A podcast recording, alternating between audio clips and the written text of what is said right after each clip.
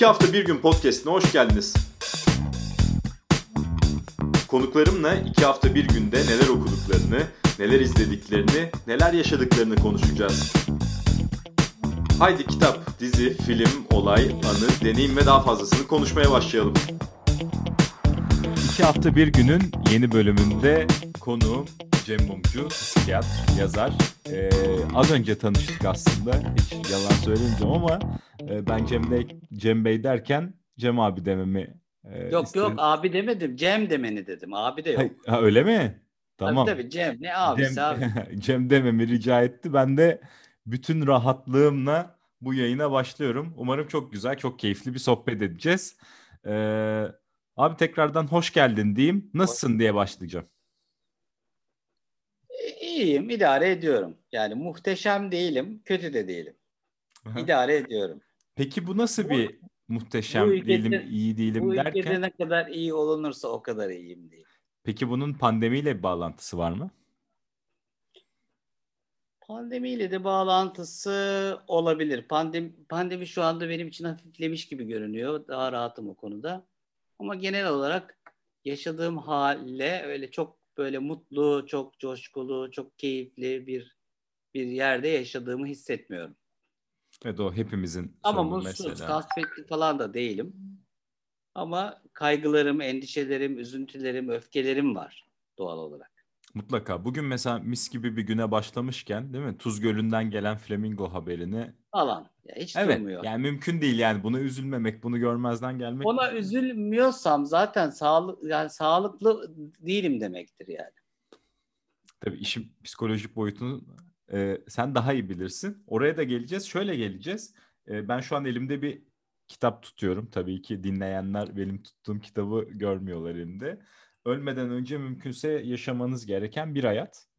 Okyanus yayınlarından çıktı. Aslında pandeminin de senin açından e, verimli ve aktif geçtiğini de gösteren bir kitap olduğunu düşünüyorum. Ne dersin?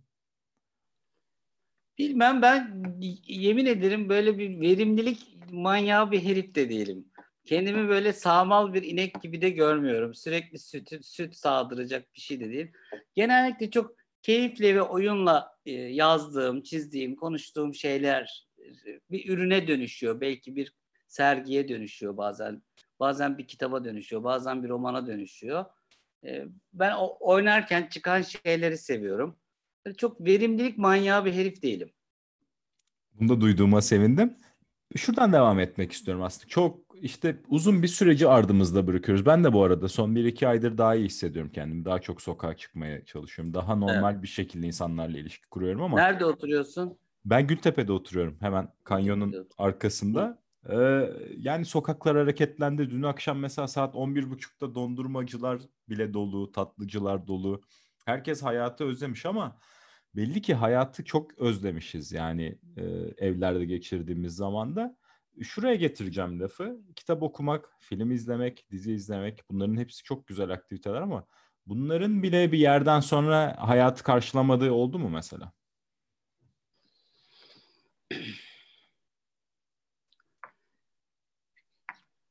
Bilmem yani ben e, bunları bir aktivite gibi de görmedim. Benim için işte gezmek, İzlanda'ya gitmek, dağlara çıkmak, dağları izlemek, e, bir ağacın altında oturmak neyse aslında iyi bir film izlemek, iyi bir kitap okumak, iyi bir müzik dinlemek, arkadaşlarımla sohbet etmek e, çok benzer şeyler gibi geliyor bana. Yani fonksiyon da yüklemeden yapınca daha çok seviyorum. Belki deminki verimlilik konusuna benziyor bu da.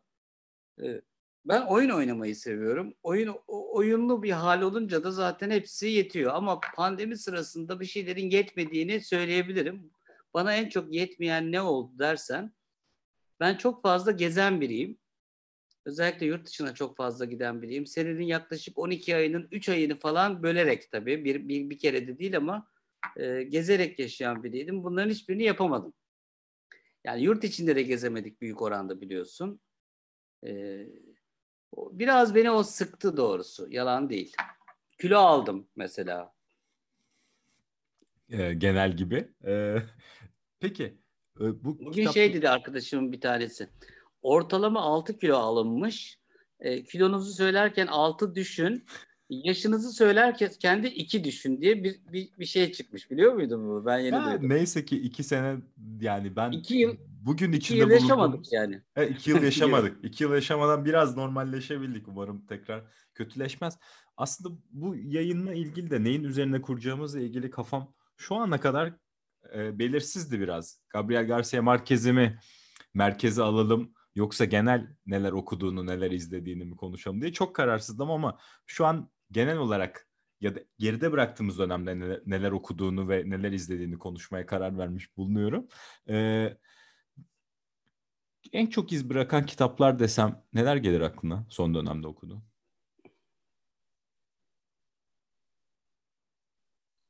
Ya son dönemde e, yayına hazırladığımız bazı kitaplarda çok heyecanlandım. Ben e, aynı zamanda bir yazarım, aynı zamanda iyi bir okur olduğumu düşünüyorum.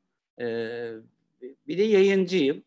Dolayısıyla kitap seçmek, e, kitabı okumak, onu yayınlamaya karar vermek, e, bazen çeviri yapılacaksa çevirisinin yapıldıktan sonra bir daha bakmak, e, kitapla oynamak, ona bir kapak beğenmek, ona bir kapak düşünmek, ona bir isim düşünmek, ona bir tagline düşünmek, her defasında yeniden bir şey yapmak. Böyle hani sürekli bir ürünü yara, e, ürün çıkaran bir üretici olsam, mesela her gün işte ben bilmem ne krakerini üreten birisi olsam, yapabileceğim tek şey o krakerin satışını artırmak ya.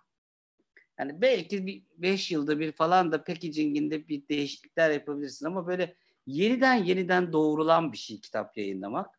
O çok heyecan verici bir şey. Her defasında böyle o kitap matbaadan çıktığında baskı da tamamen bitip böyle eline düştüğünde senin kitabın olmasa bile e, çok heyecanlı e, dokunduğun, ellediğin, kokladığın, mutlu olduğun şeyler oluyor. Bu aralarda öyle bir sürü kitap yayınladım tabii. Okuyan Hüseyin Evi'nin genel yayın yönetmenliğini yürütüyorum ben. Onlardan beni Robert Johnson'ın mesela bir kitabı çok heyecanlandırdı. E, Düşler ve Hayal, e, Aktif Hayal Gücüyle Bilinç Dışına Yolculuk diye Jungen bir analistin kitabı. E, çok derinlikli bir kitaptı. Mesela onda çok heyecanlandım. Ama genel anlamda e, bu sürede yayına hazırladığımız kitaplar dışında Ogden'ın bir kitabını okudum. Yaratıcı Okumalar diye çok güzel bir kitaptı. Bolca dizi izledim. Ee, Onları onları Çok- tek tek açalım olur mu?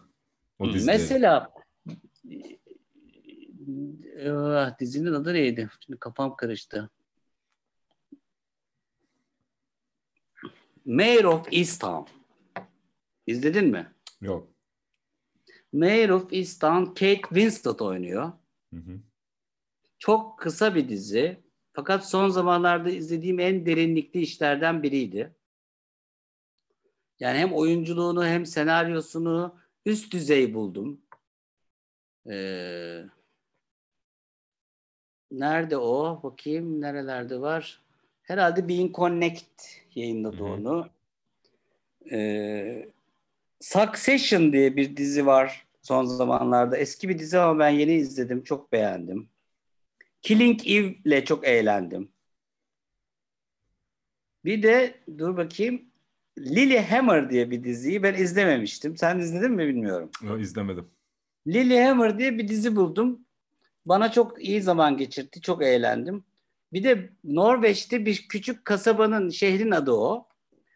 Gariptir ki ben de o şehre gitmiştim. Orada fotoğraflarım falan var yani. Onunla çok eğlendim. Vallahi işte Netflix, Mubi, Being Connect, efendim Blue TV, yok Gain, yok Excel, oradan buradan ne bulursam bolca izledim diyebilirim. Bolca kitap okudum. Bir şeyler yazmaya çalıştım. Benim evime çok gene yakın atölyem var. Oraya gidip resim yaptım ara ara. Ee, dostlarla buluşmaya çalıştım. E, kendi ofisime gittim. Ben hekim olduğum için aynı zamanda e, benim sokağa çıkma yasağım yoktu.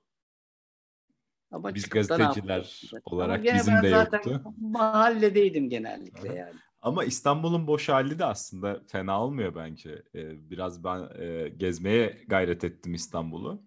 Ee, özellikle gezmeyi ihmal ettiğim yerlerinde. Çok rahat da kimse sokakta yokken ulaşması da kolaydı sağa sola deplase olmanın ama tabii bir yandan da üzüntülü bir tarafı da oluyor. Sokaklar o kadar boşken o cıvıltısını kaybetmiş bir İstanbul'da bir şeyler kaybediyor tabii ki. Evet ama mesela ben dün gece e, arkadaşlarımla bir yemeğe gittim. E, Boğaz'da bir balık lokantasına. E, makul denecek bir saatte de on buçuk, on bir gibi erken da dağıldık yani. Çıktık. E, fakat bir buçuk saat taksi bulamadık demeyeceğim. Bir buçuk saat taksiler bizi almadı e, bulamadık dolu değil. Yani bunların yaklaşık yarısı boştu. E, sonra mahalleden bir arkadaşım, kız arkadaşım gelip bizi Nişantaşı'ndan bir taksi tutarak gelip bizi bebek gibi yani kuru çeşmeden aldı. Anladığım şu ki taksiler e, Arap arıyorlarmış. Ya da işte yağlı birilerini arıyorlarmış. Daha sonra bir arkadaşıma anlattım gece bunu. Ben de geçen gün Taksim'den Nişantaşı'na e, beş katı fiyat vererek gelebildim. E şimdi yani mutluluk için, keyif için, sohbet için çıktığım bir şehirde bile basit gibi görünüyor bu ama çok şey anlatıyor. Bir, bir, bir, bir tatsızlık veren, bir, bir sistemsel ciddi bir problematiğimiz olduğunu gösteriyor bağırıp çağırmadık ama gerildik. Yani düşünsene kuru çeşmede kaldık yani. Taksi, yani o, aldı. tahmin ediyorum ki o yemeğin tadı azaldı ya da kaçtı ya da kayboldu artık ve ondan sonra da öyle bir şeyin içine düşmüş. O, bu, bu böyle bir problem var. Bir, bir süredir ortaya çıktı bu. Ee, dediğim ki çok kolay olmayacaktır herhalde çözülmesi. Bu ama bizim problemlerimizden bir tanesi sadece yani işte de bir sürü şeyin de ifade ediyor. Peki bir psikiyatr gözüyle şunu da sormak istiyorum. Bu tüm konuştuklarımız yani pandemi sürecinde işte abi mesela sen hani e, verimli olmayı kafaya takmayarak güzel vakit geçirerek bir şeyler izleyerek bir şeyler okuyarak ya zaten söyledim. zaten bir şeyden keyif alıyorsan bir şeye aşkla tutkuyla bakıyorsan bir şeyi merak ediyorsan bir şey canını yaktı ve onu çözmeye çalışıyorsan oradan zaten verim gelir. Ama bu, bu süreçte çok gördüğüm şey bir verimlilik trendi. O verim öyle bir şey değil. Sen zevkle, aşkla, tutkuyla kıçına bir şey girdiği için, canın yandığı için, çözemediğin için, beceremediğin için, ağladığın için, birine ulaşmak için, bir şey için bir şeyler yaparsın hayatın içinde. Onlar zaten tırnak içinde verime dönüşür. Ama önceliği verimli olacağım gibi bir e, cümleyle e, gittiğimiz yerin doğru olduğunu düşünmem hiçbir zaman. Kimseye de önermem. Ve bunu yapanlar da daha çok zorlananlar ve kaygı bozukluğu yaşayanlar oldu benim anladığım kadarıyla. Özellikle pandemide evde kaldıkları dönemde. İşte yani mesela bu dönemde kaygılanmamak mümkün olmadığı için insanın kaygısını da e, eyleme dökmeden bir dönüp bakması lazım. Hep bunu bu süreçte de hep bunu söyledim. Yani böyle bir süreç benim nereme nasıl girdi yani? Bana ne yaptı? Beni en çok nereden vurdu da e, bizim birazcık kendimizle ilişkimize dönüp bize bir fayda e, getirebilir. Bir şeyleri çözebiliriz.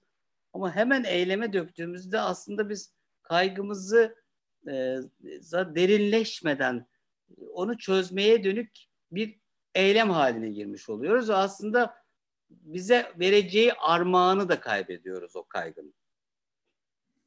Çok iyi anlıyorum ama tabii bunu uygulamak o kadar kolay mı ondan emin değilim. Şimdi emin ol aslında öbüründen mi? daha kolay. Öbürü öbüründe çünkü sürekli eyleme döktüğün için o, o meseleleri çözmeden devam ediyorsun. Bu bu şey gibi galiba kitapta da e, vardı. İşte sevgilinden ayrıldığın noktada hemen aksiyona geçme. Biraz o üzüntüyü yaşamaya çalış. Değil mi? Onun üstesinden gelmek. Sağlıklı birey, evet. sağlıklı birey bir kayıp durumunda melankolik pozisyon alır. Depresif pozisyon alır. Bu eşittir depresyona girer demek değildir. Depresif pozisyon. Üzülür. Ama biz genellikle ne yapıyoruz? İşte kuaföre gidip saçlarımızı değiştirip dışarı atılarak kendimizi aslında o e, kayıp sürecini güzel işlemiyoruz, güzel yaşamıyoruz. Peki mesela pandemi bir kayıp mıydı? Şu anlamda söylüyorum. E, tabii bu süreci başka türlü yaşayanları da dışarıda bırakıyorum. Yakınlarını kaybedenler.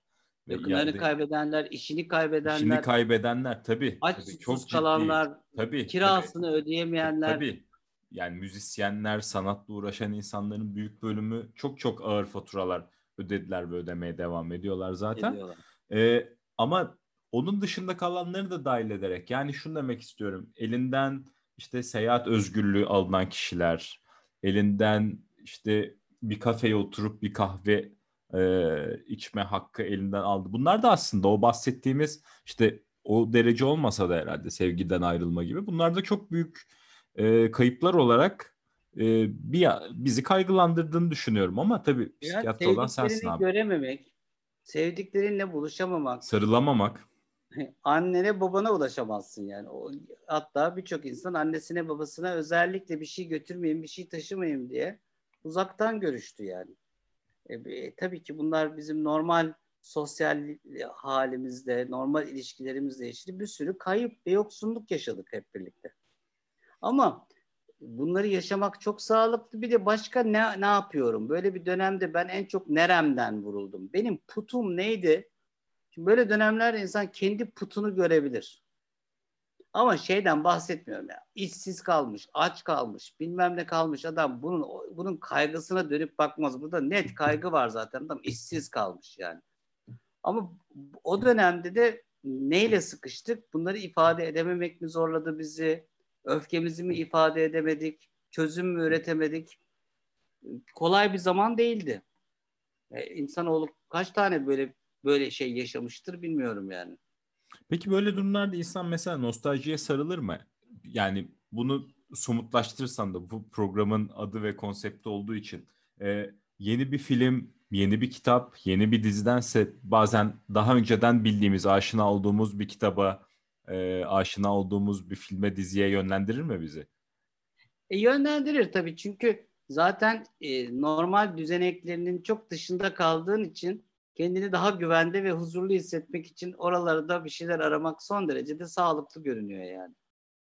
Peki. Yeni de heyecanlıdır ama böyle dönemlerde insan oralara gider. Bir de böyle dönemlerde insan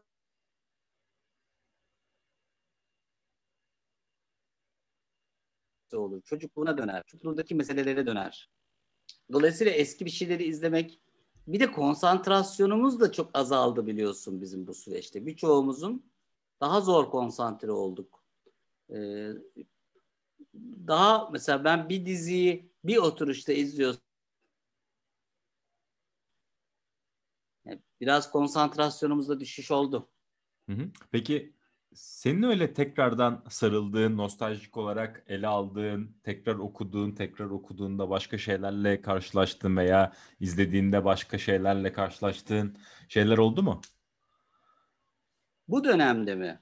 Ee, ya bu, bu dönem derken aslında uzun bir dönemden bahsediyorum. Belki 13, 14, 15 aylık bir dönemden bahsediyorum.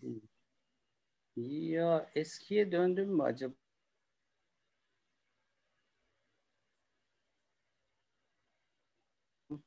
Ben, buralar mesela eski westernlerden çok izledim. Ee, hı hı. Olasılıkla benim çocukluk zamanımda pazar günleri olan e, western saatleri vardı o, o duyguyu aramış olabilirim. O huzuru ve o kozi hali aramış olabilirim. Western bana öyle bir his verir.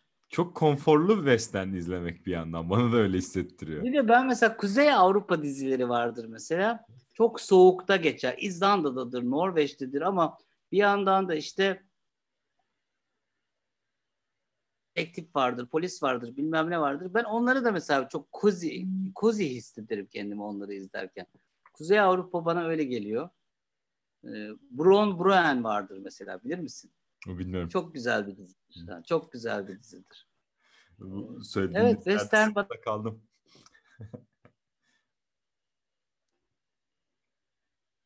Avrupa dizileri yıllar veriyor. Ama şimdi onlara bıraktım evet. Şimdi bu bölümde belki de o o Gabriel Garcia Marquez'i de sorabiliriz. Ben özel olarak e, rica olarak e, soruyu yollamıştım Cem Mumcu'nun en sevdiği yazar ne diye. Tek bir yanıt gelmedi Marquez. ama. Marquez, Borges, Aha. Italo Calvino. Ben oraları çok severim. O halleri çok severim. Nedir o haller? Yani Bize büyük- biraz anlatır mısın?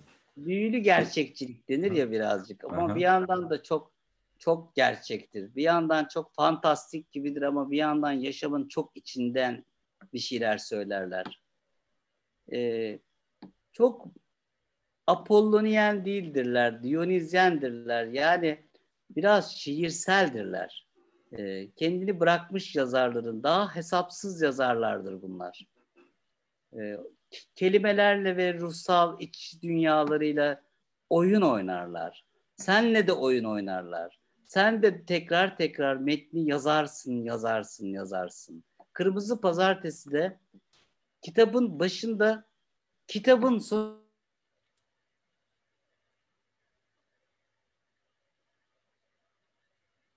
bir hikaye anlatır sana. Yani bir cinayeti olduğunu başında söyler. Bir ölümün olacağını olduğunu başında söyler ve sonra sen inanılmaz bir sürükleyicilikle bildiğin bir sona doğru yürürsün. Çok çok ek- çok çok özel güçleri olan yazarlar bence bunlar. Bu üçlüyü özellikle çok severim. Marquez, Borges ve Italo Calvino'yu çok severim. Peki. E, Marquez'i biraz daha Yazarken açalım. de e, şimdi ben iki türlü yazan biriyim. Ee, aslında kitaplarımın önemli bir kısmı edebiyat eseri. Roman ve hikaye yazıyorum. Mesela Binbir İnsan Masalları diye bir hikaye dizim var benim. Binbir tane olacak diye başladığım bir şey. Şu anda kaçtayım bilmiyorum. 200 küsür olmuş olabilir. Ee, bana bazen derler ki "E, binbir taneyi bitirebilecek misin? Bilmiyorum ki diyorum. Çünkü diyorum ölebilirim. İki, e, yazmayı bırakabilirim. Üç, yazamayabilirim. Dört, yazmayı sevmemeye başlayabilirim. Beş, bin tanesini yazıp bin birincisini yazmadan ölebilirim. Ve bunlar bana çok hayata benzediği için eğlence veriyor. Ben bir kere eğlenmeliyim yaparken, yazarken. Ee, Bunlar da mesela bir kısmı çok serttir, bir kısmı çok fantastiktir ama benim kendi iç dünyamdan çıkan ve daha evvel planlamadığım, sonunu başını bilmediğim hikayelerdir. Çok eğlenirim onları yazarken. Bir de ama işte bu son kitapta olduğu gibi, kendine bakma kitabında olduğu gibi daha non-fiction e, yazdığım, kurgusal olmayan metinler. Biraz daha kendi oyunun dışında okuyan kişiye bir hayra vesile olsunu daha çok isterim. Bunu düşünürüm. Öbürlerinde pek öyle bir derdim yoktur bak yalan söylemeyeyim. Bunda ama bir hayra vesile olsun, bir kapı açsın, bir, bir noktaya dokunsun. Gerekirse canını acıtsın ama e, bir şey söylesin ve ona iyi gel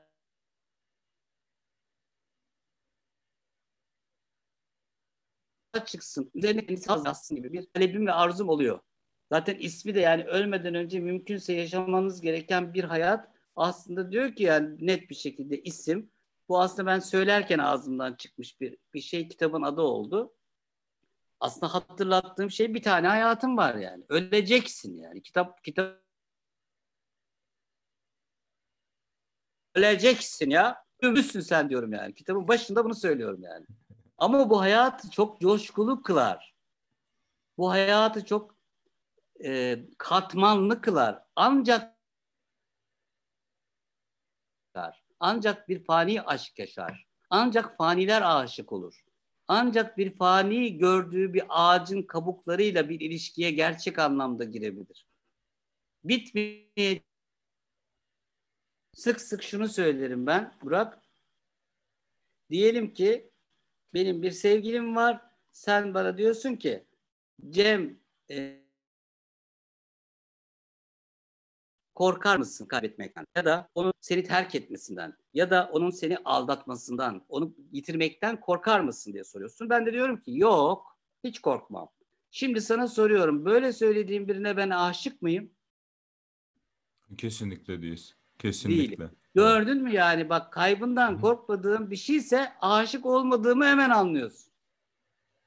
Şimdi de biz hayatı nasıl yaşıyoruz ya da ilişkileri nasıl yaşıyoruz? Kaybından korkmadığım birine aşık hem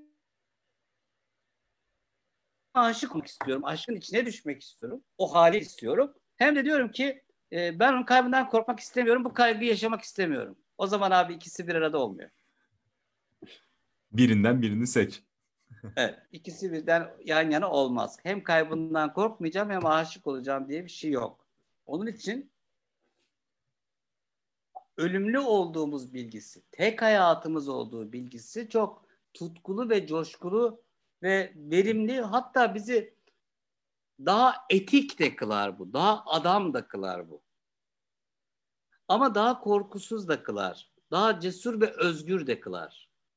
Küçük hesaplardan azade olmaya başlarsın. Yani bilmem nerede bilmem ne evim olsun diye yaşamazsın mesela.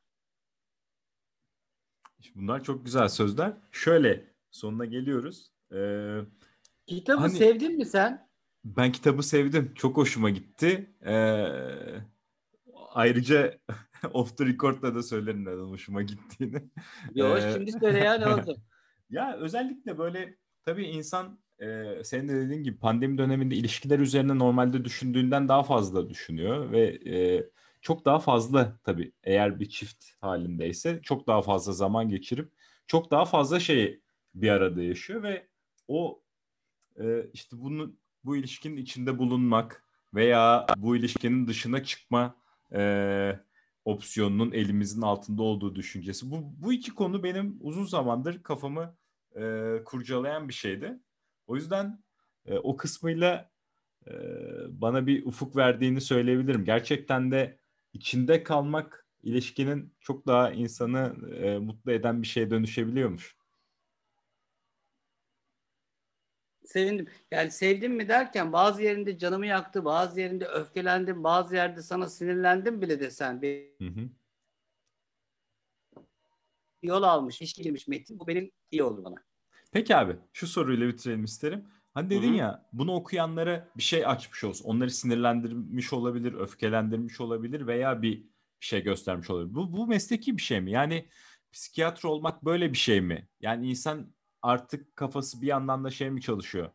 Ee, diğer insanlara yardım etmeye ve onların da bazı şeyleri görebilmesini sağlamaya yönelik adımlar mı atıyorsun farkında olarak veya farkında olmadan?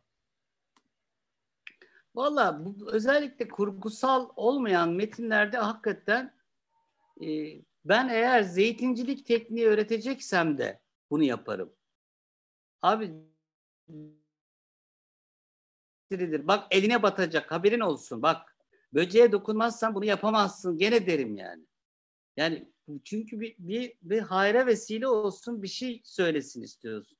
Dolayısıyla hakikaten ben peynir e, yapma teknikleri de anlatsam bunu yapardım emin ol. Peki çok güzel oldu. Ee, tanıştığıma çok memnun oldum. Çok Ben güzel de, bir ben sohbetti. Ee, kitabı de, da tekrarlayacağım burada dinleyicilere. Ee, zaten ismiyle de çok güzel. Ölmeden önce mümkünse yaşamanız gereken bir tek bir hayatınız var. Cem Mumcu'dan e, ilginizi çekeceğini tahmin ediyorum. E, ben hala Cem abi diyorum ısrarla. E, Cem ortada buluştuk yani ne Cem Bey ne Cem Bey. Cem abi teşekkürler. Çok memnun. Fırsatta inşallah gerçekten yüz yüze tanışırız. Çok Umarım. sevindim tanıdığıma.